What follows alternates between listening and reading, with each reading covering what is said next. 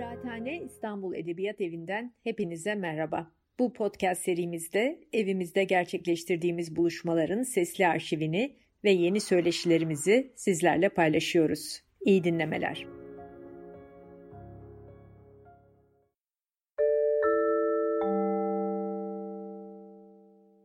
İyi akşamlar. E, Kıraathane İstanbul Edebiyat Evi'nin e, teknoloji konuşmalarından ilkini yapacağız bu akşam.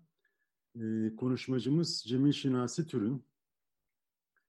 Kendisi e, son yıllarda özellikle blok zinciri e, üzerinde çalışıyor. Daha önceden e, üç boyutlu grafiklerle uğraştığını biliyoruz. E, sanal para üzerinde e, çok çalışmıştı.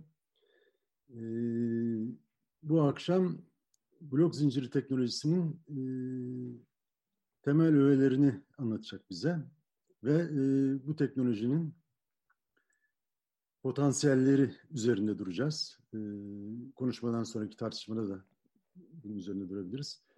E, blok zincirinin e, toplumsal olarak ne etkiler yaratabileceğini de e, Cemil ile birlikte konuşacağız. Hoş geldin Cemil. Hoş bulduk Mustafa. Teşekkür ederim beni davet ettiğiniz için. Ee, blok zincir, e, blok zinciri Türkçesi, blockchain İngilizcesi. Ee, bu kavramı e, son yıllarda çok duyuyorsunuzdur, e, duyuluyor. Ama tabii biraz karmaşık bir konu olduğu için de üzerinde çok fazla mutabakat olmayan değişik görüşler var. Farklı farklı şeyler anlaşılıyor. E, o yüzden biraz tanımlayarak ya da bir tanımlamaya çalışarak başlayayım ben de. Bitcoin denilen bir para var. Herkes e, herhalde duymuştur bunu. Bitcoin denilen para aslında e, aynı zamanda bir de platforma sahip. Yani bir platform ve bir üzerinde para çalışıyor. Bu platformun eskiden ismi gene Bitcoin'di ama büyük harfle B yazılıyordu. Yani büyük B ile yazılıyordu Bitcoin diye küçük B ile yazılan da paranın ismiydi. Biz anlatırken ya da insanlar birbirlerini anlatırken büyük harfli olan şu anda kastediyorum. Sonra küçük harfli olan diye böyle karışıyordu iş. Sonra dendik ya bu büyük harfli Bitcoin'i atalım onun yerine blockchain diyelim. Dolayısıyla bu blockchain kavramı Bitcoin'in teknolojik altyapısının birebir ismi.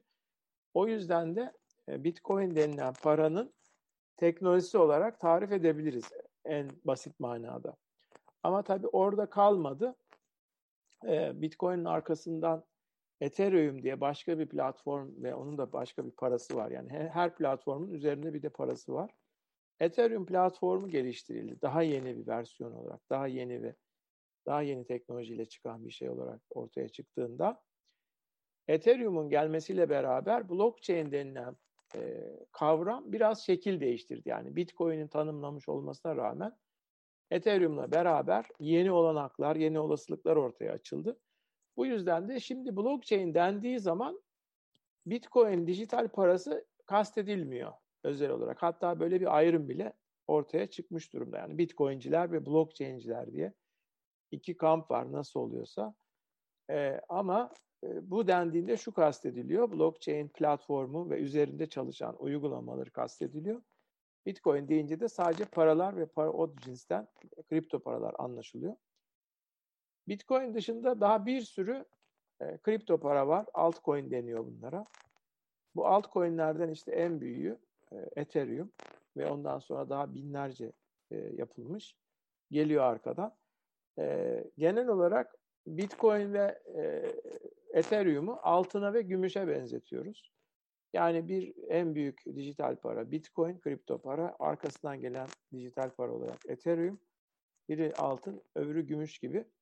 Platform olarak Ethereum ise bir dünya bilgisayarı diye tarif ediliyor. Dünyanın her tarafında çalışan bir sürü on binlerce hatta yüz binlerce bilgisayarın oluşturduğu bir ağa deniyor bu. Tabi e, Mustafa bu arada tabi istediğin zaman kesip e, açıklamamı daha derinleştirmem veya daha basitleştirmem isteyebilirsin. Ee, ben genel olarak bugüne kadar ki derslerden aldığım e, tecrübeyle e, o hızla anlatmaya çalışıyorum. E, şöyle, e, Ethereum'la beraber e, bu dünya bilgisayarı konsepti ortaya çıktıktan sonra para dışında da birçok uygulamanın e, bu blok zinciri ya da blockchain platformu üzerinde çalışabileceği anlaşıldı. Bunun üzerine sadece finans sektöründe değil, başka pek çok sektörde uygulama alanları açılmaya başladı. Peki bir dakika, oraya geçmeden bu platformu biraz tarif edebilir misin? Tabii. Yani nasıl oluyor da e, bir sanal para yaratılıyor? İnsanlar evet. nasıl güvenebiliyor? E, tabii nasıl güven nasıl güvenebiliyor? E, tabii o biraz daha felsefi tarafı da olan zorca bir soru ama onu sonra alalım. İlk olarak bu nasıl çalışıyor? Yani teknik olarak nasıl çalışıyor? Şimdi öncelikle bir kere bu teknoloji e, internetin üzerine çalışıyor. Yani her şeyden önce bilmemiz gereken bir şey bu, bu platformlar yani blok zincir denilen platform bildiğimiz internetin üzerinde duruyor. Yani o internet bir masa gibi masanın üzerinde duruyor. İnternet olmasaydı bunların hiçbiri olmazdı. Öncelikle bunu söyleyelim. Yani orada da kafa karışıklığı oluyor e, insanlarda. Onu bir engelleyelim. E, internetin üzerinde çalıştığı için de internetin sahip olduğu temel özellikleri blok zinciri teknolojide içeriyor. Mesela peer to peer olmak yani eşten eşe çalışmak bunun en önemlilerinden bir tanesi. E-mail biliyorsunuz, e-mail kullanıyorsunuz. E-mail de bir uygulama olarak yine internet üzerinde çalışan bir uygulama ya da World Wide Web yine internet e, altyapısı üzerinde çalışan bir uygulama. Blok zinciri de hem internetin üzerinde hem de World Wide Web'in üzerinde çalışma özelliğine sahip. E, bu e, manada çalışma prensibi şöyle. 2009 yılında e, yazılmış bir program bu Bitcoin. İlk başta onunla başlıyor. Yazarı Satoshi Nakamoto diye kim olduğunu bilmediğimiz, çok da merak etmediğimiz, çünkü fazla da önemi olmayan bir e, kişi. Çünkü bu iş ondan çoktan çıktı. E, bu kişinin yazmış olduğu program aslında Excel'e benzeyen bir çeşit e, database kendi içinde olan bir Excel gibi diyebiliriz. Yani içinde muhasebet kayıtlarının tutulduğu, e, internetten indirilebilen, açık kaynak olarak kodu incelenebilen bir Excel Bitcoin temelde. Program olan Bitcoin. Bu program olan Bitcoin'in içerisinde ki bu dediğim gibi 2009, 2008 sonu 2009 başı açılmış olan bir program, e, yayınlanmış olan bir program. O zamandan bu zamana Bitcoin'de yapılmış tüm işlemler yani A'nın B'ye, B'nin C'ye yaptığı tüm transferler bu Excel'in içinde kayıtlı geliyor. Bu enteresan bir bilgi. Çünkü birçok kimse bunu pek inandırıcı bulmuyor ama bu bir gerçek. E, 2009'un başından beri bütün yapılmış Bitcoin alışverişleri, transferleri bu programın içinde kayıtlı ve açık kaynak. Herkes izleyebiliyor. Yani öyle karanlık işler için falan kullanılıyor gibi bir imajı var Bitcoin ve diğer kripto paraların ama aslında tamamen takip altında olabilen yani herkesin herkese yaptığı transferin açıkça izlenebildiği açık bir platform. Çok fazla karanlık işler yapmaya uygun değil. Ee, başlangıçta öyle şeyler oldu. Bir takım e, işte korsan sitelerinin filan kullanmasının e, sebebi e, o zaman az biliniyor olmasıydı ve takibindeki zorluktu. Takipteki zorluktan kasıt ise kullanıcıların isimlerinin bulunması zor. Yoksa her transfer orada gözüküyor.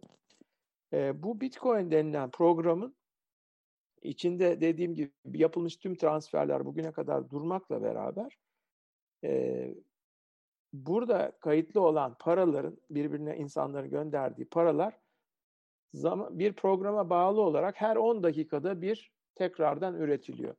Toplam olarak bütün hayatı boyunca Bitcoin'in 21 milyon adet olacağı baştan programa yazılmış. Bu Satoshi denilen kişi kimse yani böyle bir program yazmış ki e, for 1 to 21 milyon diye bir loop'un içerisinde çalışıyor her şey. Onun içerisinde olan her şey 21 milyona gelince duracak. 21 milyona gelince ne olacak diye soruyorlar ama 21 milyona gelmesi 2140'ta olacağı için ben buna cevap vermemeyi tercih ediyorum. Çünkü torunumuzun torununu ilgilendiren bir problem. Artık onlar düşünür e, ne olduğunu, durdu. O kadar yaşayacak mı onu da bilmiyoruz tabii. E, bu arada... Şimdi herkesin Aha. bilgisayarında e, sürekli güncellenen evet. e, bir veri tabanı var ve paranın izini, yani sanal paranın izini takip edebiliyoruz. Evet. Peki para basmak nasıl mümkün Para oluyor? basmak şöyle oluyor. Bu herkesin izleyebildiği ve her makinede çalışabilen yani her kişinin isterse indirip çalıştırabileceği açık platform e, denilen e, bu yapıda yaklaşık olarak her 10 dakikada bir yeni bitcoinler üretiliyor. Bu da bir algoritma çerçevesinde ürüyor. İlk açıldığında 50, her 10 dakikada 50 bitcoin üretiliyordu. 4 yılda yaklaşık yarıya düşüyor, 25'e düştü, 12 uçağa düştü. Şimdi bu sene tekrar düştü. Yarılanma deniyor buna. 6.25 şu andaki rakam. Yani her 10 dakikada bir 6 küsur bitcoin yeniden yerden çıkarılıyor gibi madenciliği yapılıyor. Buna zaten madencilik deniyor, mining deniyor. Türkçe'de de madenci deniyor bu işi yapan insanlara. Yani sıfırdan e, üretilen bitcoinler her 10 dakikada bir 6.25 Mustafa şu anda. Ama tabii geçmişte çıkartılmış olan bitcoinler el değiştirebiliyor. Şimdi bu madenciler ne yapıyor diye sorarsanız madencilerin yaptığı da insanların birbirlerine gönderdiği bu bitcoinlerin kaydını tutuyorlar. Bu kayıt tutmayı da karşılığında komisyon olarak yapıyorlar. Bu aldıkları komisyonda o yapılan transferleri yapan kişilerin içeriye uygun gördükleri bir komisyon koyuyorlar. Komisyon eğer yeterince yüksek değilse o daha zor gidiyor. 10 dakikada gitmiyor da mesela 5 saatte gidiyor. Ama yüksek komisyon koyarsanız öne alıyorlar sizin işleminizi. Hemen 10 dakika içinde oluyor. Tabii bu 10 dakika o kadar aslında büyük bir süre ki düşündüğünüzde hani bakkalda geçmez. Çünkü bakkala geleceğim, ekmek alacağım. İşte 10 dakika bekleyelim ki işte mutabakat alınsın bütün ağdan. Herkes kabul etsin ki bende böyle bir bitcoin var filan. Bunlar pratik olarak bakkalda, Migros'ta geçmez yani. işin özü bu. E o zaman ne işe yarıyor? Bitcoin bugün bir biriktirme amaçlı kullanılıyor. Yani bir yatırım aracı olarak kullanılıyor temelde. Onun dışında öyle şunu da alınır efendim otobüs bileti de alınıyormuş, uçak bileti de alınıyormuş diye duyuyorsunuzdur. Yani bunlar genellikle pazarlama amaçlı yapılan şeyler. Yani duyuru işte biz şirketimizi duyurmak istiyoruz yani kebapçı açtık. Bitcoin geçer diyerek reklam yapıyoruz. Aslında kesinlikle pratik değil yani pahalıya geliyor. Yani bir döner aldığında 20 liraysa o transfere 8 lira ödüyorsun. Hayatta kimsenin yapmayacağı bir şey tabii yani. Ee, işte böyle Mustafa. O bir yandan e, bazı konularda da muazzam e, avantajlar sunabilir. Diyelim kooperatif ya da benzeri kurumsal evet. örgütlenmelerde paranın izle takip edilebildiği için son derece saydam bir para trafiği. Evet. As- aslında o söylediğini şöyle yani çok doğru bir yerden vurdun. Şimdi bu Bitcoin tarzı e, kripto paraların mutabakat dediğimiz İngilizcesi konsensus yani hepimiz ortaklaşa bir şekilde karara varıyoruz ki 10 dakika içinde kayıtlar budur. Biz kayıtların hepsini mühürlüyoruz ve bir sonraki 10 dakikaya geçiyoruz. Bu mühürlenmiş kayıtlar bir daha açılamıyor. Yani tekrar değiştirilemiyor içindekiler. Geçmişe dönük olarak bunların değiştirilmesi imkansıza yakın yani. Çok çok zor yani. Hani imkansız deyip geçiyoruz. Bu sebepten ve de bunların açık olmasından ve de herkesin dışında bir kayıt ortamı olmasından yani buna şöyle diyoruz. Üçüncü kayıt muhasebe de deniyor. Üçüncü kayıt defteri kebir tabiri kullanılıyor. Dağıtık yapıda ve herkesten bağımsız bir merkezi olmayan merkezsiz bir muhasebe defteri aslında bir yandan da. Bu demin bahsettiğim Excel türü program bu işe de yarıyor. Böyle olunca da birbirimize inanmakta veya güvenmekte zorlandığımız ne uygulama varsa bu uygulamaların kayıt ortamını blok zinciri yapmak, blockchain yapmak burada şüpheyi tamamen yok ediyor. İşte kooperatifler mesela Türkiye'de 80'lerde kısmen e, devlet baskısı, yani o zamanki hükümetin baskısıyla, kısmen dışarıdan gelen baskılarla Türkiye'de kooperatifçilik mesela yok edildi. Ama yok edilirken hep bahanesi şuydu. Ya işte kooperatif yönetenler üçkağıtçılık yapıyor. Kayıtları değiştiriyor. Üzerlerine para geçiriyor. Hiç kimsenin haberi olmuyor diyorlardı ve oluyormuştur da eminim bunlar. Ama blok zinciri kaydına geçildiği zaman kooperatifçilik aslında tekrar canlanacaktır. Çünkü bu e, dağıtık yapı e, yani merkeziyetsiz yapı temelde felsefe olarak da kooperatif tarzı e, kamusal yapıları daha çok destekliyor. Yani burada para anlamında da bu geçerli. Direkt kayıt tutma anlamında da devletin tuttuğu tüm kayıtlar, örneğin tapu kayıtları olduğu gibi blok zinciri üzerine koyulabilir ve artık devletten bağımsız herkes kendi arasında tapu alışverişini, araba alışverişini yapabilir. Yani bunlar düşünülen şeyler zaten. Bu artık geleceğe yönelik spekülasyonlara giriyor. Ona biraz daha sonra geleceğiz. Peki bu blok zinciri teknolojisi içinde hile yapmak hiç mümkün değil. Ya Şimdi, da bu hile nasıl önleniyor? E, yani saydamlığın dışında başka mekanizmalar e, var mı? Şöyle tabii doğru bir soru. Yani saydamlıkla yetinmiyor tabii. Baştan itibaren bu hem makale hem programı yazan e, müstehar ismi Satoshi Nakamoto olan şahsın geliştirmiş olduğu bir takım yeni teknolojiler var. Yani bunu baştan söylemeye e, atlamışım. Esasında Bitcoin dünyada insanlık tarihinde daha önce geçmişte 2009'dan önce olmayan inovasyon dediğimiz yenilik içeriyor. Bir yenilik içeriyor. O yenilik de e, kişilerin birbirlerine güvenmesine gerek olmayacak şekilde şifrecilik teknikleri kullanarak insanların güvenini gerektirmeyen bir kayıt ortamı sağlamak. Bu inovasyona dayalı Bitcoin. Bu inovasyonu yapabilmesi için de demin senin bahsettiğin toplu mutabakat e, alma yöntemi icat edilmiş. E, detaylarına girmeyelim nasıl alınıyor filan. Bu toplu mutabakat işte bu 10 dakika içerisinde alınıyor. Burada önemli bir nokta şu. Yani bizim kıraathanenin e, izleyicileri, dinleyicileri için enteresan olacak tarafı şu. E, bugünkü devlet yapısı ve parlamento ya da karar verme yapısı için de blok zincirinde bir takım e, alternatif cümleler var. Yani mesela blok zinciri ya da Bitcoin'in programının değiştirilmesi yani özünün, anayasasının değiştirilmesi öyle kolay olmuyor. Ee, çok yüksek bir mutabakat oranı gerektiriyor bu. %90'ların üzerinde. Ama herhangi basit bir karar alınması çok daha az oyla yapılabiliyor. Ve bunlar hep düşünülmüş, programlanmış şeyler. Yani biz günün birinde sosyal tarafını konuşacağız demiştik ya başlangıçta.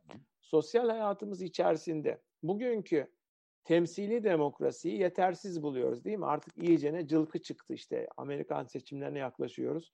Kimin ne söylediği, kimin kim olduğu, Ruslar mı, işin içinde Çinliler mi? Belirsizlik o kadar hat safhada ki televizyonlar birbirleriyle tartışıyorlar bu konuyu. Düşünün yani. Ee, daha doğrusu FBI, CIA birbirine giriyor.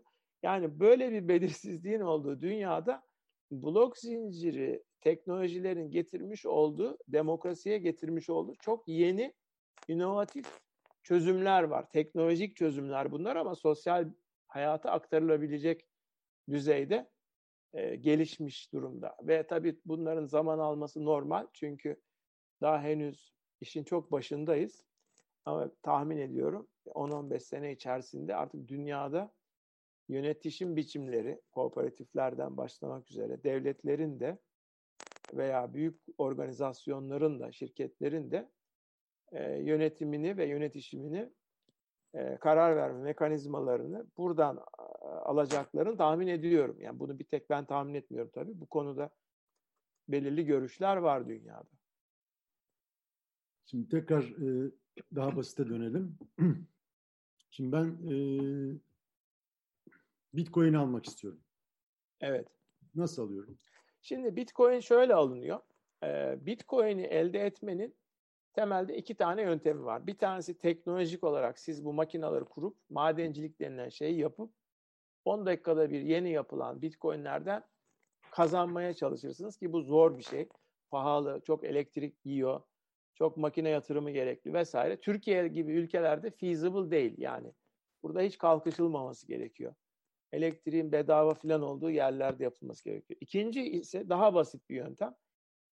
Bitcoin, Ethereum vesaire gibi e, kripto paraların alınıp satıldığı borsalar var. Bunlar her ülkede var. Türkiye'de de iki tane büyük borsa var. Pazarın %95'i iki borsada. Kalan 25-30 oyuncu kalan %5'i tutuyor. Dünyada da Çinlilerin falan bir sürü böyle borsa var. Bu borsalara giriyorsunuz. Normal bankadan TL'nizi EFT ile bu borsadaki hesabınız önce bir hesap açıyorsunuz borsada. Yani bunu yapmak için bir uygulama indiriyorsunuz cep telefonunuza. Cep telefonunuza in mesela ben Paribu kullanıyorum. Türkiye'deki e, en büyük borsalardan bir tanesi, iki borsadan biri. Diğeri de BTC Türk. Mesela Paribu cüzdanını indiriyorum cep telefonuma. Kendimi tanıtıyorum. ismimi, cismimi, TCKN'mi falan. Ondan sonra kendi bankamdaki bir parayı EFT ile buraya aktarıyorum. Bu cüzdanımın içine. Cep telefonumdaki cüzdanıma aktarıyorum. Diyelim 10 bin lira aktarıyorum ya da 1000 lira. 1000 lira aktardıktan sonra cüzdanımın içerisinden alım yapabiliyorum bu borsadan. İster Bitcoin, ister Ethereum, ister başka bir kripto parayı satın alabiliyorum. 1000 liramı veriyorum, öbürlerini alıyorum. O cüzdanımın içinde onları görüyorum. Bu sefer eğer Bitcoin'in fiyatı artarsa ki mesela son e, iki buçuk ayda yüzde 35 filan artmış durumda. Yani ben tanıdıklarım sorduğunda mesela alın filan diyorum.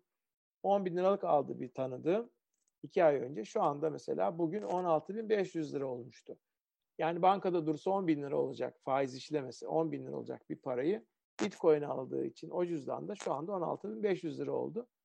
E, bugün itibariyle 110 bin lira bir Bitcoin Türk lirası olarak. Dolayısıyla iki tane yöntem var Mustafa. Bir tanesi madencilik, teknolojisiyle uğraşmak. İkincisi borsalardan satın almak. Borsalardan satın almak yeterince güvenli. Hani bu konuda bankadan çok farklı değil teknolojileri.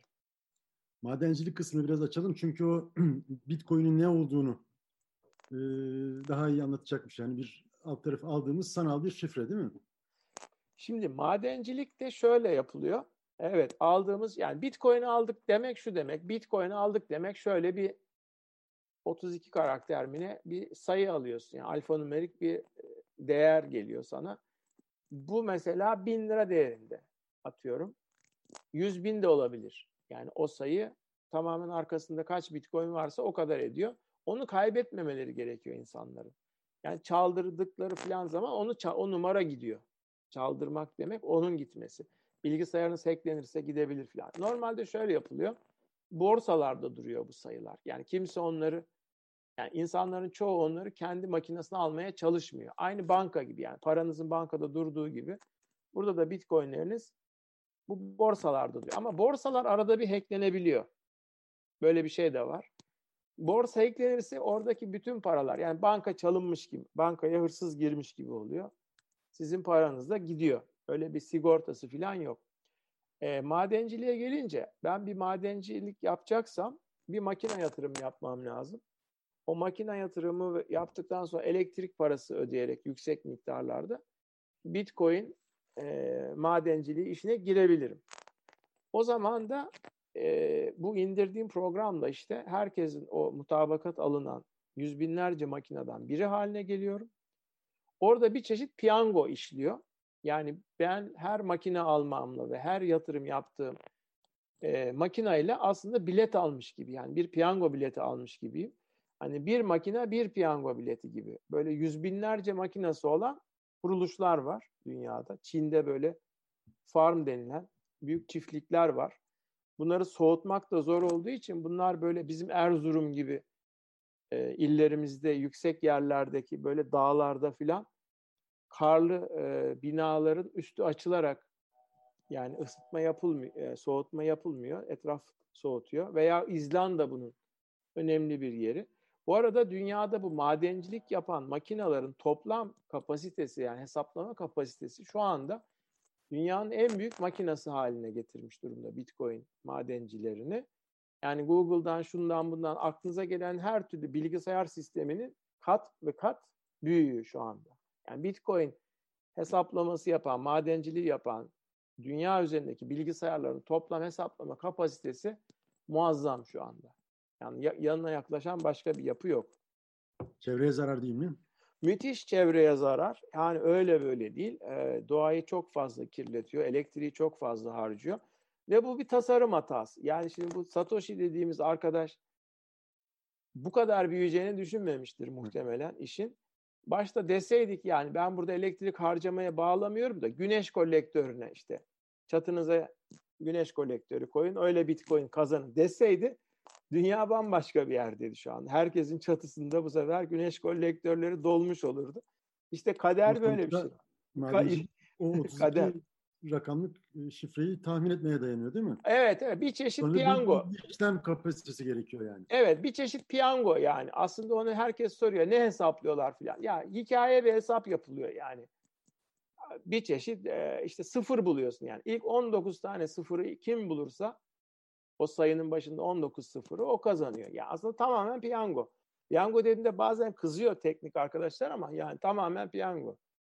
E, dolayısıyla ne kadar fazla makine, ne kadar çok para yatırıp buna girersen o kadar da fazla şans oluyor. Tabii diyeceksiniz ki o zaman neresi bunun gayrimerkezi ya da neresi merkezsiz? Al işte parası olan madencilik yapabiliyor sadece. Parası olmayanın öyle bir şansı yok. Evet bu çok doğru bir eleştiri.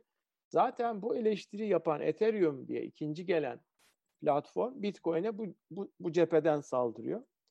Diyor ki yani bu Bitcoin çok merkeziyle işte dünyada bütün bu madenciliği yapan aslında iki tane şirket yüzde işte 75'ini bu iki şirket çıkarıyor veya 85'ini. Dolayısıyla Bitcoin artık merkezsiz filan kontrolsüz bir şey değil. Yani bu Çinlilerin kontrolünde diye bir argüman var. Ama Ethereum e, sonradan gelen ikinci büyük platform bunların hepsini kırmak için şimdi ikinci versiyonunu Ethereum 2.0'ı çıkartıyor. Buradaki bütün eleştirileri yani ele, enerji harcamayı değiştirdiler.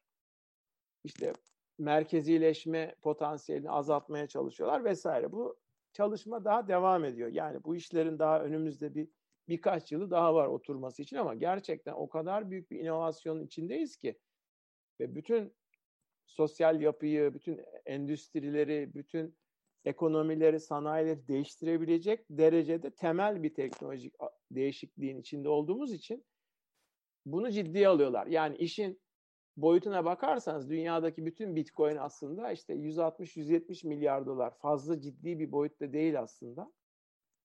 Ya hatta Türkiye'de ondan çok daha büyük bir e, dijital olmayan blok zincir parası dönüyor. Bir trilyon dolarlık vadeli çekler dönüyor. Çok vadeli daha çek. büyük ama yani tabii bu teknolojik tarafından bakıldığında değerli olmasının sebebi buradaki inovasyon ve buluşlar. Peki o zaman şimdi para meselesine gelelim. Şimdi bu Bitcoin'in maddi bir karşılığı yok. O zaman nasıl değerli olabiliyor? Yani İşte evet. Ne, ne nasıl oluyor da değerli oluyor. Şimdi mesela cebinde dolar olan ya da Türk lirası olan birisi çıkartıp o kağıdı böyle gösterse kağıdın değeri kuruşlar mertebesinde yani 100 liranın kağıt değeri belki 5 kuruş değildir. Şimdi bu birçok insanın tabii e, para ile ilgili e, saf düşünceye sahip olduğunu biliyorum. Konuşmalarımızdan, eğitimlerimizde gördük. İnsanların çoğu hala yüzde 85 filan gibi bir oranda paraların arkasında altın var zannediyor. E, acıklı bir durum bu. E, ne yazık ki öyle bir şey yok. Yani bugün dünya paraların arkası altın falan yok.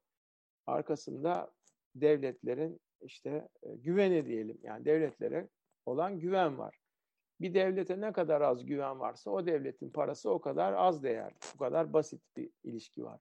Şimdi burada ise Bitcoin adeta yeni bir devlet, yeni bir merkez bankası gibi başka bir algoritmaya dayalı bir dijital para. Yani orada da merkez bankası olarak görebiliriz. O merkez bankasının kuralları ise tamamen algoritma ve teknoloji. isteyen açıp bakabilir diyorlar. Yani siz de girip programı inceleyebilirsiniz. Gerçekten öyle mi? 21 milyon da bitiyor mu? İşte 10 dakikada bir yarıya düşüyor mu filan falan. İşte 4 yılda bir yarıya düşüyor mu? Hepsini kontrol edebilirsiniz. Açık diyor.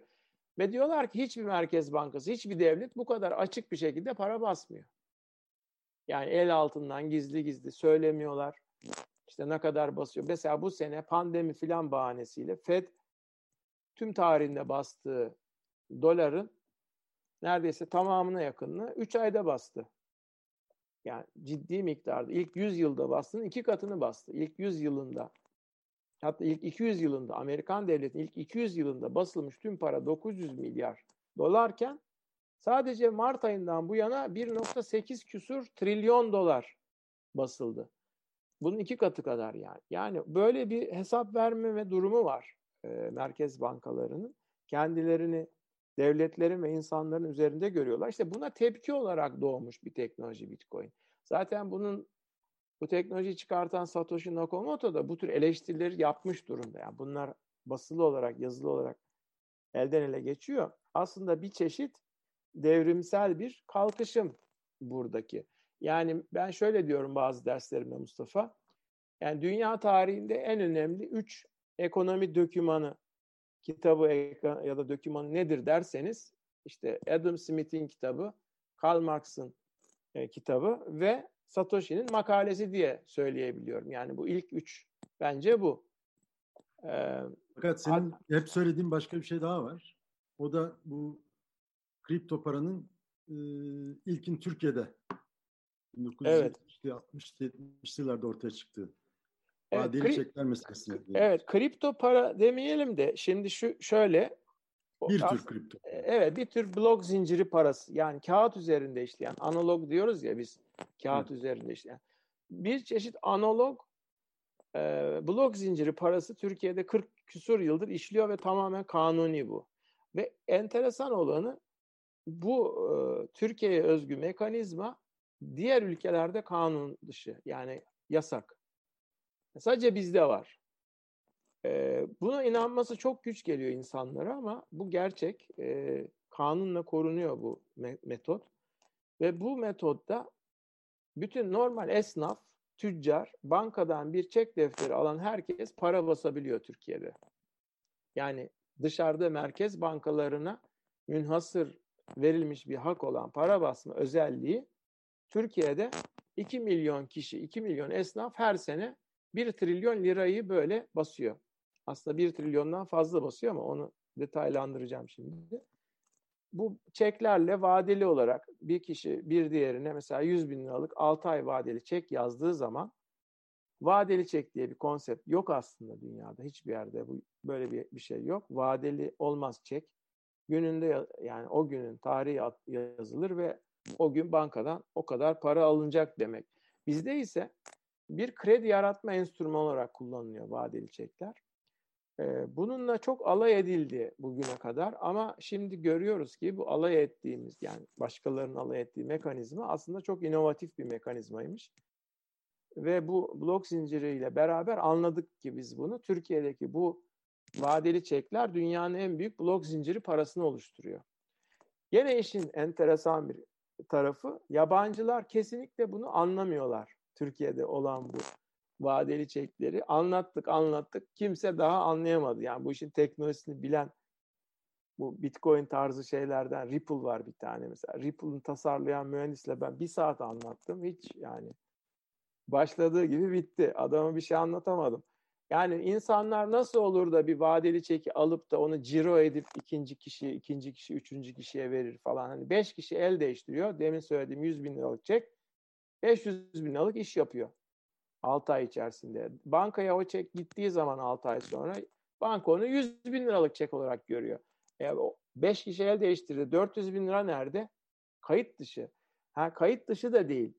Gözükmüyor banka sisteminde ama karşında fatura var.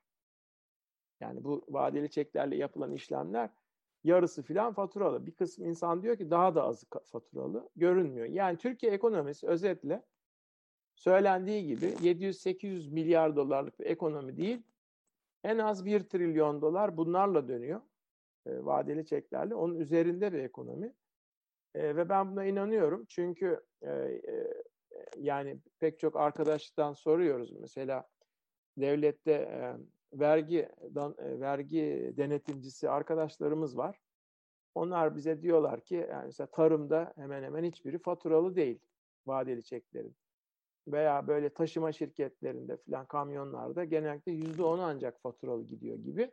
Böyle sözlü e, bilgiler veriyorlar. Tabii kayıt olmadığı için kimse bunların gerçeğini bilmiyor. Ben tahminen 1 trilyon dolar diyorum. Tahminlerim de Türkiye Bankalar Birliği'nin datasına dayanıyor. Şimdi bunun blok zincirle alakası şurada Mustafa. Şimdi bu Bitcoin inovasyonu çok büyük dedim ya. Bu peer to peer işte senin de çok iyi bildiğin BitTorrent vardır. 2001'de icat edilmiş olan bir İsrailli çocuğun icadı olan ama patent falan yok tabii artık bu işlerde. Her şey açık kaynak olduğu için kimse onun adını bilmiyor. Aynı şekilde World Wide Web de patentsiz bir şekilde hediye edilmiş bir evet. ürün halka. Burada da bir yandan hediye edilmeseydi bu kadar yayılmayabilirdi. Tabii kesinlikle yayılmazdı. Yani düşünsenize her web sitesi 10 centte ma yani o, o World Wide Web'in mucidi olan Tim Berners-Lee hala yaşıyor. Allah uzun evet. ömür versin. Ee, Sir oldu. Ad, he, Sir falan oldu. Ee, para mara verdi adama. Hani fakir ölmesin diye.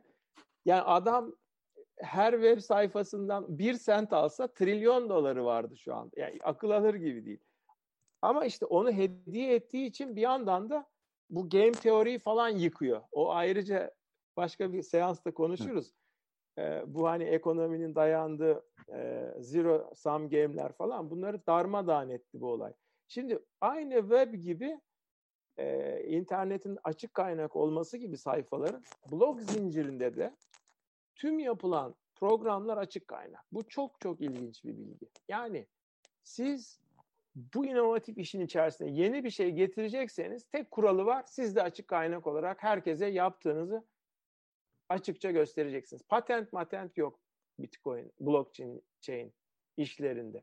Her şey GitHub denilen ortak paylaşımlı olan açık kaynak e, kodların durduğu bir açık kaynağı bir iki cümleyle anlatırsan hani açık kaynak şu demek eskiden eskiden e, dediğim hala var ama e, paradigma eski patent diye bir konsept patent diye bir şey var ya patent demek şu demek ben bir icat yapıyorum bunu devletin patent ofisine detaylı bir şekilde anlatan bir yazıya bir makale yazıyorum ya da 16 17 sayfalık bir şey yazıyorum devlet de buna karşılık benim o, o icadımı koruma sözü veriyor.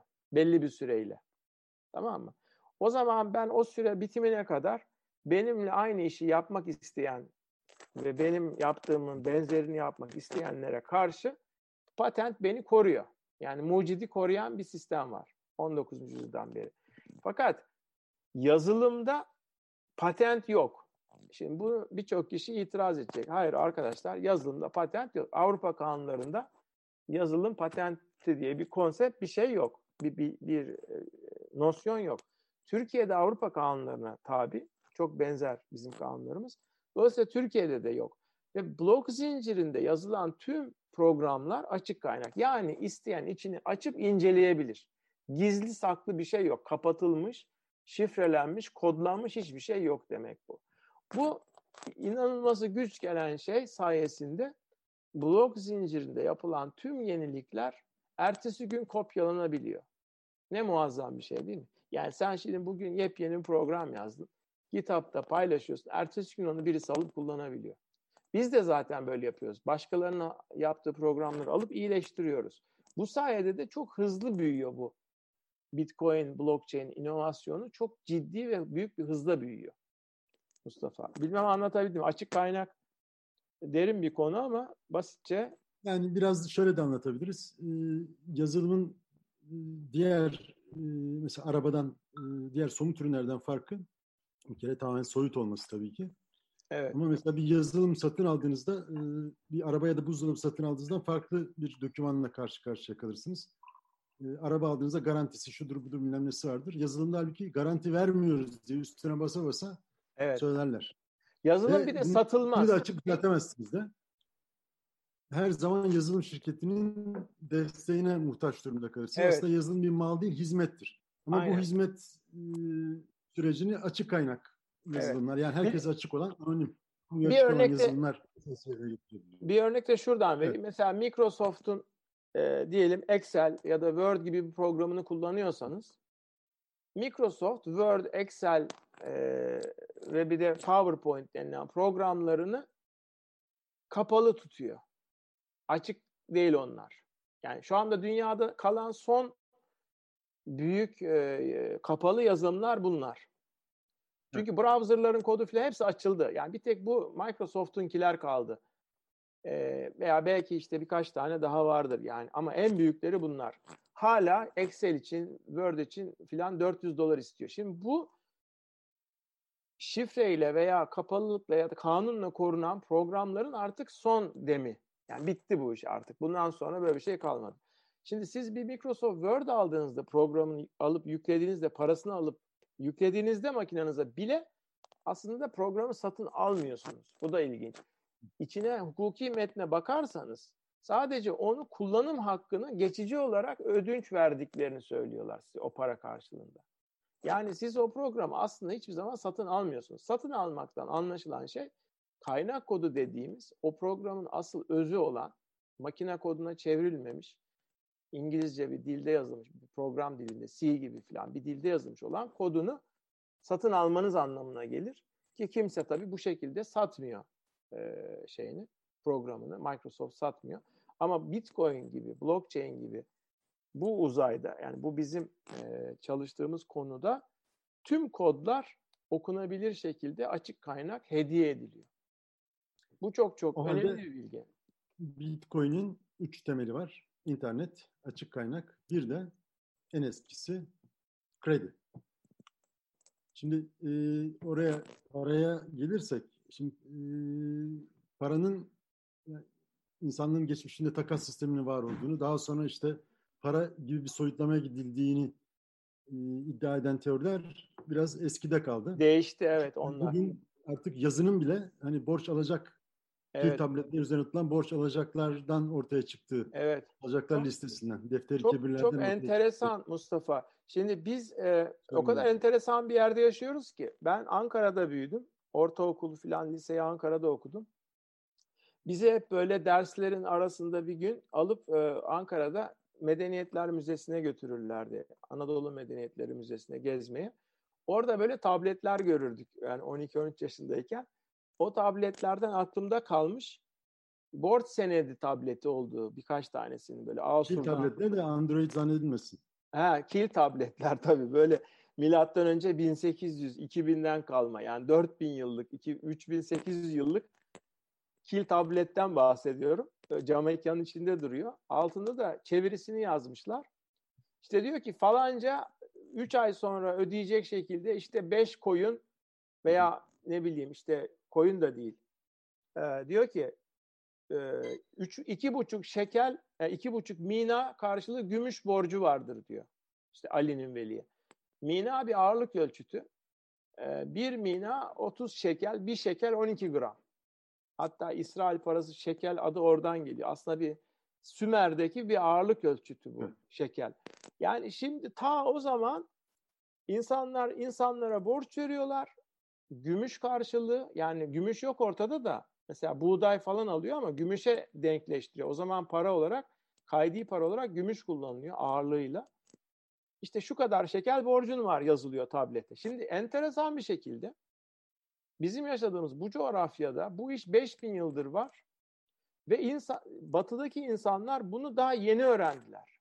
Yani bizim bu coğrafyada bu tabletlerin aslında vadeli çek, vadeli senet gibi vadeli borç senetleri olduğu 1995'ten sonra yapılan araştırmalarla, yazılarla, makalelerle çıktı ortaya. Hatta işte Türkiye'de de meşhur kitap e, Borç isimli e, Graber diye bir adam e, yakın zamanda Yeni öldü. Evet. Öldü. E, toprağı bol olsun diyelim. Mesela o yayınladı bunları ama asıl asıl işi yapanlar Michael Hudson denilen meşhur solcu troçkist bir ekonomist var Amerikalı. Onun e, finanse ettiği bir çalışmaydı bu. 1995'ten sonra 2000'e kadar yapılan. Gelip Sümer tabletlerini incelediler ve yayınladılar. Ama bunlar şu andaki ekonomi literatürüne hala daha sirayet etmedi. Hala işte bu şey Ama söylemi devam ediyor. İlk zaten... para işte Lidya'daydı, altındı evet. falan. Öyle değil ya. Yani. İlk para tabletler para aslında kredi paradan önce çünkü e, Mısır gibi, Sümer gibi, hele Mısır gibi büyük bir imparatorluğun hani takas sistemiyle yönetilmesi imkansız para yok. Yani tabii. Fiziki para tabii, yok. Tabii. Takas diye sürekli bir şey yok. var. Evet. Yani o evet. alacak Herkes devlete borçlu. O zaman Mustafa her, herkes devlete borçlu. Devlet de ikili bir yapı. Yani bir devlet var, bir de işte en büyük kilise diyelim. Yani tari şey var, tapınak var. Yani Toprakların bir kısmı devletin, şehir devleti bu da, diğer bir kısmı da tapınağa ait. Şimdi bütün vatandaşlar yani o işte Uruk, Muruk, işte Urfa, eski şey o Sümer şehirlerinde yaşayan herkes ya devlete çalışıyor ya tapınağa çalışıyor. Hep borçlu. Ha babam çalışıyor. Ne? işte boğazını geçindi. Yani böyle bir durum var. Ya asker ya çiftçi falan. Enteresan. Herkes devlete borçlu ve her şey kayıt altında. O kadar ilginç ki her şey kayıt edilmiş. Bütün borçlar. Şimdi bütün bunlar duruyor bu tabletler. Yani 30 bin tane falan tablet çıkıyor şehirden. Ya bunlar tabii birbirlerine de veriyorlar bunlar. Yani borç tabletleri temlik ediliyor. Biri öbürüne o borcu aktarıyordur yani. Yani gidiyor mesela falancanın borcu var tablet biçiminde. Ya orada bir şey beğendim, anı alacağım. Al bu tableti deyip alıyordur yani. Bunu kullanılmaması mümkün değil. Yani bizim bugün vadeli çek dediğimiz şeyin 5000 yıl önce olmadığına inanmıyorum ben. Ama işte bunu daha henüz batılı ekonomistler kavrayamadılar. Aynı bizim vadeli çeki kavrayamadıkları gibi. Şimdi ama ilginç olanı Bitcoin'e ve blockchain'e bağlarsak konuyu. Şimdi blockchain'de şu anda henüz ortada gördüğümüz her türlü inovasyon bir çeşit dijital altın formunda. Henüz daha krediyi kavrayamadılar. Ya, ya da karşılığını kredi yapabilecekleri bir kripto para çıkaramadılar batıda. Yani daha henüz örneği yok. Örneği çıkacak bir zaman, örneği çıktığı zaman aa diyecekler ki vay be burada Türkiye diye bir yer var. 2 milyon kişi bunu yıllardır kullanıyormuş deyip ya da belki bizden çıkacak o inovasyon o tarafı. Yani benim beklediğim bugün önümüzdeki 10 sene içerisinde Türkiye'de kullanılan, ticarette kullanılan bu mekanizmanın global olarak kabul göreceğini tahmin ediyorum. Çünkü merkezi sistem şu anda yıkılıyor. Tabii bu ayrı bir uzun bir tartışma. Öyle bir cümleyi atayım. Merkezi para sistemi yıkılmakta şu anda ve merkez bankaları buna çare aramaktalar şu anda. Deliler gibi dijital para hazırlıyorlar. Merkez bankaları dijital para yapıyorlar şu anda. Yani Satoshi'nin taklidini yapıyorlar. Enteresan bir durum. Peki merkezi olmaktan nasıl çıkarabilecekler? Onu nasıl tahammül edecekler? Ya da merkezi olan bir dijital para dijital para sayılabilir mi? Merkezi bir dijital para, dijital para olur. Mesela Libra var, Facebook'un çalıştığı. O merkezi para olacak ama gayri merkezi paralar varken evet. merkezi paralarla beraber bakalım var olabilecekler mi? Yahut şöyle diyelim. Gayri merkezi konsensus yani mutabakat mekanizmaları geliştiği zaman bakalım insanlar tekrardan eski merkezi sisteme dönmek isteyecekler mi? Buraları çok önemli siyasi sorular var burada. Yani burada artık iş tamamen devlet nedir? İşte yönetim ne demek? Nasıl yönetiliyoruz? Buralara giriyoruz. Ama girelim çünkü mesela biz bugün bir alım satım yapsak senle diyelim ben araba satacak olsam, motosiklet satacak olsam ne yapıyoruz? Gidiyoruz notere değil mi? Noter diye bir yer var. Ne yapıyoruz noterde? Kimlik veriyoruz işte kağıda yazı yazılıyor. O kağıtları bir yere fotokopi yapıp saklıyorlar. Şimdi blok zinciri geldikten sonra artık gereksiz araba şey. bilmem ne işte tapu falan gibi şeyler için gereksiz olacak bu noter denilen yerler. Veya buna benzer her türlü merkezi kayıt mekanizması ortadan kalkacak. Gidiyor zaten kalkıyor görüyoruz yani yavaş yavaş oluyor bunlar. E şimdi öyle öyle olduktan sonra bir de çok önemli bir şey var. Blok zincirinde herkesin iki tane şifresi var arkadaşlar. Yani tüm insanların bugün Bitcoin alsanız da aynı şekilde bir borsadan da alsanız bir kamusal anahtarınız var. iki anahtarı var. Şifre dedim yanlış söyledim. İki tane anahtarı var. Bir tanesi kamusal anahtar. Şöyle iki tane kalem gibi göstereyim. Bir tanesi kamusal anahtar, bir tanesi de sizin özel anahtarınız. Şimdi bu özel anahtarı kimseye göstermiyorsunuz. Cebinizde duruyor. Kamusal anahtarı da herkese veriyorsunuz. Herkes biliyor ya da sizin uygulamalarınız biliyor. Şimdi siz bana, Mustafa bana para göndermek istediğinde veya herhangi bir işlem yapmak istediğinde benim bu ortada duran anahtarımı kullanıyor. Bununla kilitliyor. Ben de o kilitlenmiş şeyi, Mustafa'nın kilitlediği şeyi sadece ben bununla açabiliyorum ve Mustafa'dan geldiğinde de yüzde yüz emin olabiliyorum. İşte bu teknoloji 1970'lerde icat edildi. Bir şifreleme tekniği bu. İsmi Public Key Kriptografi. Senin kitabında da yazmıştın Mustafa. E, Türkçe'de adı var ama şimdi tam nasıl deniyordu unuttum. E, kamusal e, anahtar sistemi falan gibi bir şey. Bu işte iki anahtarla kilitleme işi dünyada çok çok şey değiştirecek. Biz şu anda sağlık kayıtlarımızı kendimiz kilitleyip açamıyoruz. Kendi finans kayıtlarımızı kilitleyip açamıyoruz. Değil mi? KVKK diye kanun var ama kimse dinlemiyor bunu. Yani ben mesela X, Y, Z bir sürü hastanede diyelim ki daha önce yaptırdığım tahliller varsa bunları bir sigorta şirketinin falan görmemesini engelleyemiyorum. Teorik olarak en azından.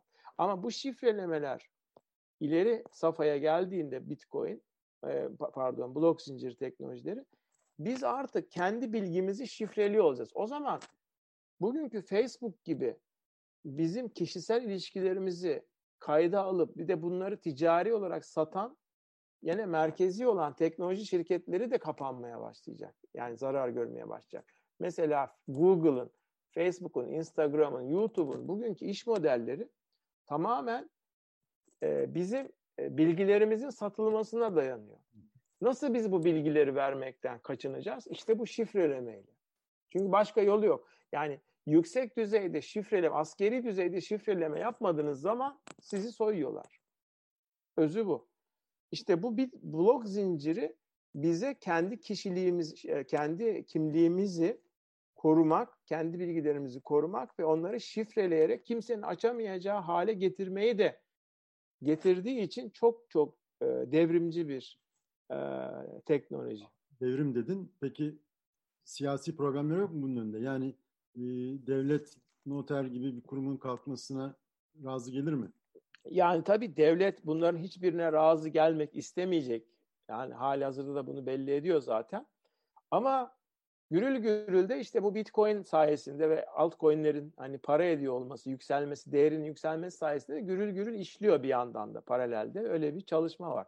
Şimdi mesela dünyadaki bütün varlık sınıfları, aset klaslarının varlık sınıfları tamam altın, gümüş, işte dolar, yen, euro filan falan hepsi bunların birbirleriyle bağlantılı. Yani böyle e, nasıl denir e, domino taşı gibi. Yani biri devrildiğinde hepsi devrilecek şekilde birbirlerine değiyor bunlar tamam mı? Bunların hiçbirinden gibi birbirine değmeyen, bunlara değmeyen Bitcoin, Ethereum falan tamamen başka bir düzlemde bunlar. Değmiyorlar bunlara. Yani bunda artsa, azalsa, patlasa, çatlasa burayı etkilemiyor. Bunlara bir şey olduğunda da burayı etkilemiyor. Bu büyük bir tehlike. Yani bu devletler ve merkez bankaları için müthiş bir tehlike. Fakat bunu kapatamıyorlar. Çünkü kapatılacak bir tuşu yok. Bir e, prizi, fişi yok. Yani fişini çekelim Bitcoin'in diyemiyorsun. Milyonlarca makinede dağıtık bir şekilde çalışıyor. Yani hiçbir şansı yok. İnternet kapatamıyorsun. Bu daha da fena. Hayır, kapatmak yerine içererek bir çözüm olabilir.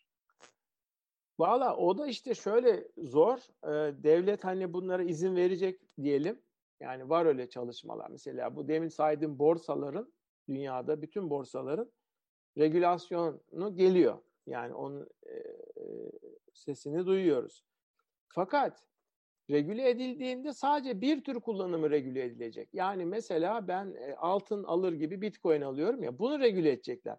Ama bunun başka kullanımları var. İşte demin saydığımız arsa alırken bilmem oraları nasıl regüle edecek devlet? Ya o kadar zor bir problem ki bu. Ben şimdi devletin yerine, devletlerin yerine kendimi koyup baktığım zaman böyle kafamı kaşıyorum. Yani e, bu Nasrettin Hoca'nın türbesi gibi yani. Bir kapı koyacaksın ama etraf açık. Her yer açık. Peki o zaman e, şimdi konuşmanın doğrultusu zaten oraya gidiyor. Blok zinciri bir genel e, mutabakat sistemi. Bu sistem ve ya, bir, bir yandan da yavaş bir database. Yani onu da söyleyeyim. Çok yavaş bir database. Yani hızlı falan değil. Çok hızlı değil, güvenlik ve saydamlık önemli. Yüksek güvenlikli ama çok yavaş. İleriki yılları düşünürsek mesela şimdi artık biraz daha spekülasyona ve bilim kurguya gidebiliriz. Senin alanların. Bu teknoloji e, nelere yol açabilir? Neler bekleyebiliriz? Potansiyelleri nelerdir? Yani neler mümkün bununla? Şimdi, Başka toplumsal e, düzlemlere uyarlanabilir? Çok, çok enteresan yerlere gidebilir. Şimdi senin de çok iyi takip ettiğin gibi son 30 yılın, 40 yılın bilim kurgu, romanları, eserleri, filmleri falan hepsini incelediğimizde hep distopya ağırlıklıdır. Yani bir şekilde merkezi devlet güçleniyor, güçleniyor. Çok o kadar güçleniyor ki kasları çok güç. Her şeyi takip eder. Yani bugünkü Çin'in yapmaya çalıştığı şeyler o, o romanlarda var. Bir de bir Elysium konsepti var. Yani birileri çok zenginleşiyor. Yani aynı bugün dünyadaki gibi işte yüzde 99'a yüzde bir olayı var.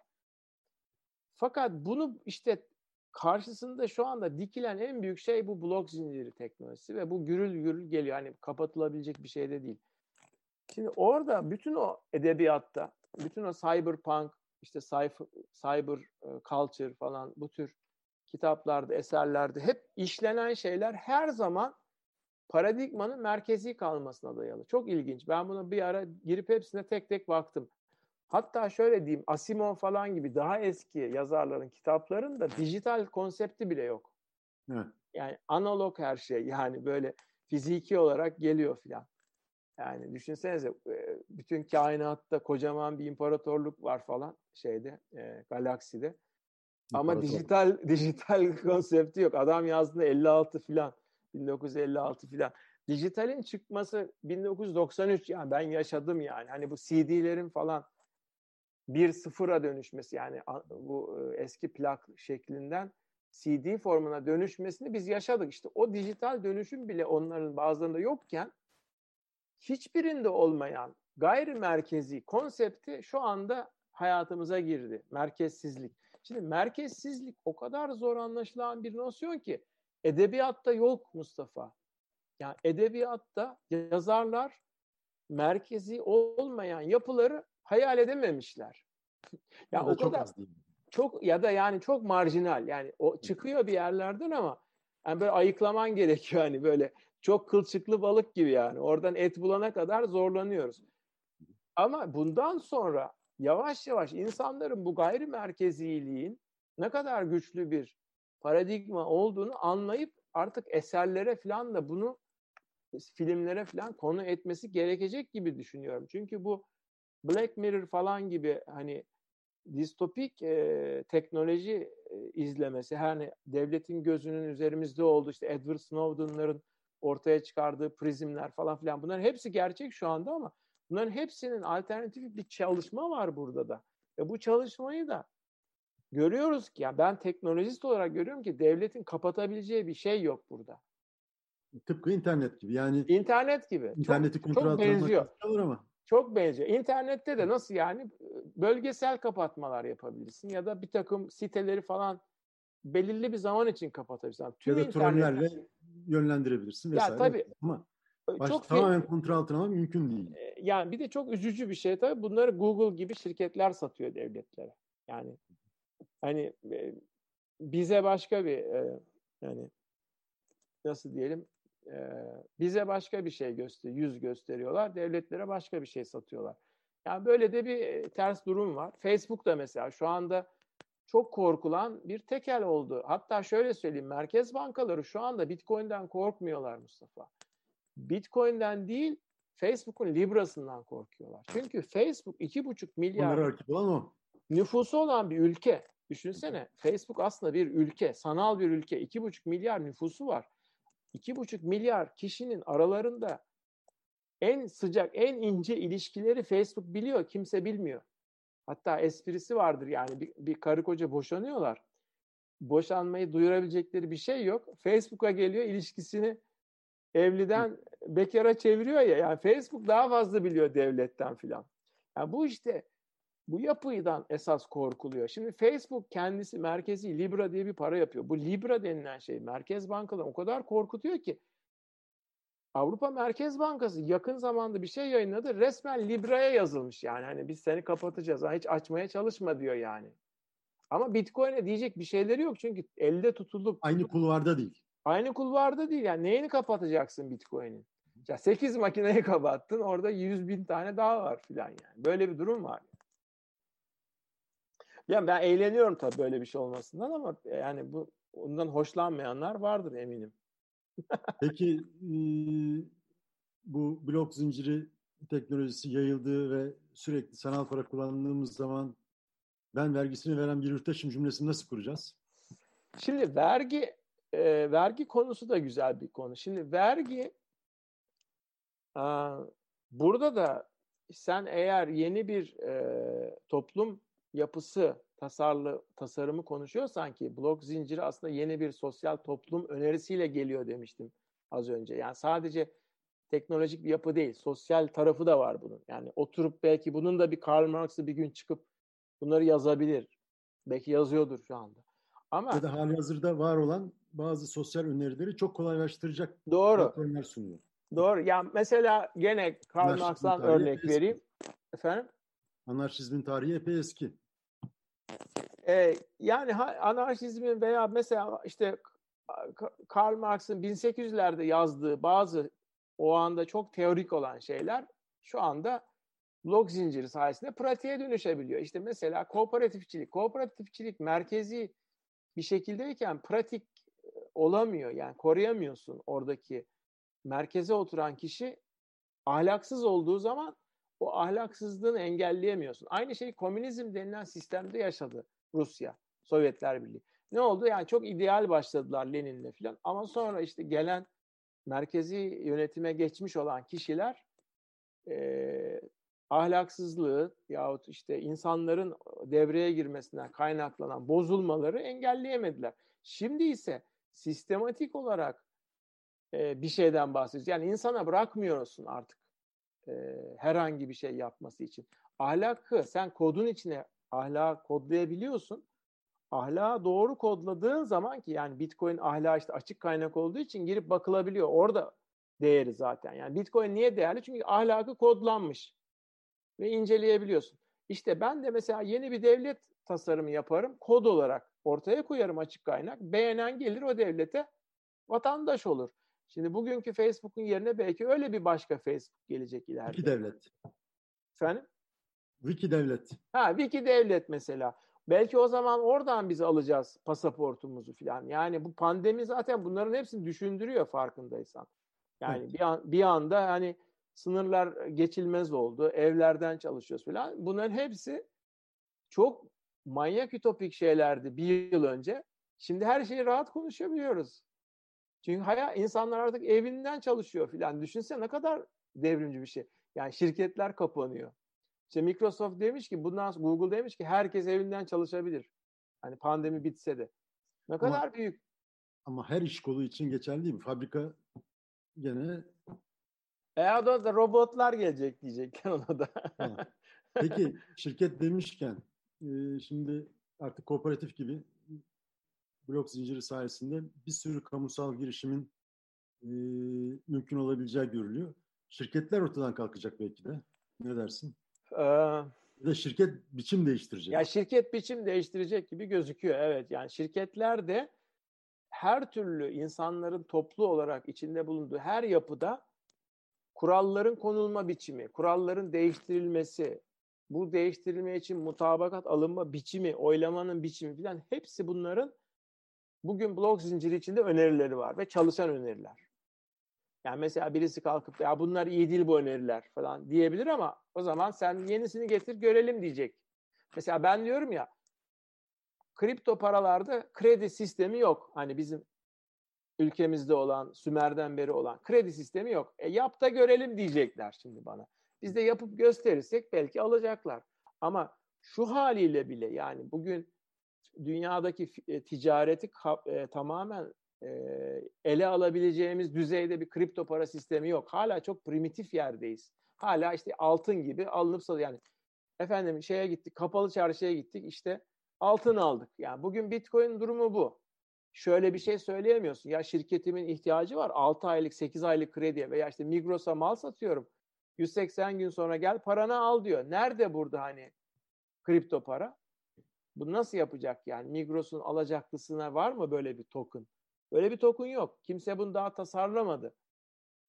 Yani bunların hepsi yapılıyor ama yapılacaktır yani bunların. Hepsi önümüzdeki dönemde yapılacaktır. Ama yapıldığı gibi de senin de söylediğin gibi yeni toplumsal e, sözleşme biçimleri de beraberinde geliyor bu kodlarla beraber. Bugün insanlar program bilmiyor olabilir, kod bilmiyor olabilir, açık kaynak bilmiyor olabilir ama bilen akıllı insanlar diyecekler ki ya bu çalışıyor. Biz niye bunu almayalım? Ya dört yılda bir oy vereceğimiz ilkel bir yani çok affedersin ama ilkel bir e, temsili demokrasi içinde değil miyiz? Hatta evet, bugün yani oylamaya kimse güvenmiyor. Şu anda Amerika'da oylama olacak. İşte üçünde 3 Kasım'da inan o gün sonuç açıklanamayacak. Belki bir ay sürüklenecek. Besbelli. Çünkü mektuplarla oy verildi. Kim bilir ne rezalet çıkacak o gün. Göreceksiniz, Ya göreceğiz yani. Şöyle diyenler olacak çok fazla. Bu imkanlar olduktan sonra bu platformlar sayesinde bu mutabakatları ve açıklığı sağlayan sistemler sayesinde kendi küçük ütopyalarını gerçekleştirmeye çalışacak çok fazla insan çıkacak Olur. ve böyle pek çok deney yapılacak önümüzdeki. Yapılıyor da Yıllar şu gibi. anda. Yapılıyor. Güneş santrallerinde falan yapılıyor. Mesela oylamada da oylamayı blok zinciri üzerinden imzamızla yapalım dediğin zaman hop çözüm ortada. Yani hali hazırda var çözüm. Aslında Amerikalılar diyebilseler ki ya kardeşim biz blok zincirinde oylama yapacağız. Hatta bunu yapan ülkeler oldu. Böyle bir Afrika ülkesi falan yaptı. Unuttum hangi ülke. Ya bilmiyorum. Togo galiba. Togo. Ha, absürt. Togo blok zincirinde seçim yaptı. Mesela Amerika Türkiye yapabilir. Türkiye dese ki ya işine geliyor gelmiyor ayrı konu. Ama vatandaşın işine geliyor. Ya ben oyumu blok zincirine kilitliyorum şifremle değişmediğini görüyorum. Kesin eminim. Ve onların sayılacağı kod da açık kaynak. O da kesin güzel sayıyor. E ondan sonra oy ve ötesine ihtiyaç kalmaz ki. Şimdi var ama şimdi var yani Evet. şu anda oy ve ötesine ihtiyaç var. Ne yazık ki bu gerçek. Peki epey e, süreyi aştık. E, Ya. Söyleyeceğin son bir şey var mı? Bu so- Galya kuyusu gibi bir konu. Gördüğün gibi sonsuz bir konu. Yani biz e, böyle hani kaşıkla yani böyle bir dondurma kabı dolu her taraf çeşitli renkte dondurma var. Bir ondan aldık bir kaşık, bir kaşık bundan aldık. Bazılarını ellemedik filan. Kocaman bir konu. Ama umarım bunu izleyen arkadaşlarımız en azından bu kooperatifler konusunda işte e, yönetişim sistemleri konusunda da enteresan gelişmeler olduğunu fark etmişlerdir. Sadece finans konusunda ya da Bitcoin aldım değeri 100 bin oldu. Sadece bu kadar basit olmadığını, işin arkasında daha büyük bir derinlik olduğunu eğer aktarabildiysek ne mutlu. Biliyorsun e, Mustafa sen de e, bu teknolojiyle sosyal e, konuları birbirine e, çarptırmayı çok iyi bilen bir yazarsın. Uzun zamandır e, tanışıyoruz. E, eski bir geçmişimiz var Mustafa'yla. E, dolayısıyla bu konuda tam tamına blok zinciri konusu da te- senin e, işlediğin konulara giriyor. E, hem sosyolojiyi ilgilendiriyor hem teknolojiyi ilgilendiriyor ve önemli bir gelecek e, ütopik biraz bir gelecek ama distopik değil en azından. Bir gelecek önerisi de geliyor. Ben heyecanlıyım. Bakalım ne olacak? Ölmeden neler göreceğiz? Şöyle yapalım. Seneye tekrar bu konuyu konuşalım. Bu videoyu da önce seyredip Bakalım bunları- ne kadar atat yapmışız. Arkada olan atatımızı da gösterelim. Bu Star Wars'un atatı. Bakalım ne kadar atmışız, ne kadar atmamışız. Çok teşekkür ederim. Yasemin, Yasemin ben de sana teşekkür ediyorum. Bu olanağı bana verdiğiniz için. Hepinize çok sevgiler, iyi geceler diliyorum. Ha, Ya- Yasemin bir şey soruyor ama bir, Ha soruyor e, mu? Blok Ya- zincirinin yeni toplumsal örgütlenme biçimlerine yönelik potansiyelini ele alan makale ya da kitap önerin var mı? diye. Yani Aa. aklında varsa şimdi çok e, Ya ben böyle bir şey yazmak istiyorum kitap var ama ama bitiremedi bir türlü. daha bitiremedim başka şeylerden. Ee, esasında e, böyle bir kitaba ihtiyaç var ama henüz o kadar olgun yani konu çok e, yapılmakta olduğu için e, hali hazırda fabrikanın içinde bu konu. O yüzden daha kimse cesaret edip böyle bir e, kitap yazayım demiyor. Belki vardır bir bakayım istersen. E, bu konuda e, sosyal tarafını en iyi anlatan e, hem yazıları var, kitapları var hem de videoları var. Bir Yunanlı arkadaş var, Ant- e, Antonopoulos soyadı. E, Andreas Antonopoulos. Ben herkese tavsiye ediyorum. Bir sürü YouTube videosu var. Kendisini ben de çok severek izliyorum. Andreas bu konuları çok iyi anlatıyor e, Yasemin. Ondan faydalanacağını zannediyorum ama o bu daha henüz bu konuları yazmadı. Yani sosyal toplum e, bilim tarafını daha henüz ele almadı. Belki de hiç almayacak. Daha teknoloji tarafında duruyor. Tamam çok teşekkürler Cemil. Ben teşekkür ederim hepinize. Teşekkürler. Ağzına sağlık. Sağ olun arkadaşlar. E, emeği geçen, yayına da emeği geçen bütün arkadaşlarıma sevgilerimi, saygılarımı iletiyorum. Mustafa teşekkür ediyorum. Görüşmek üzere.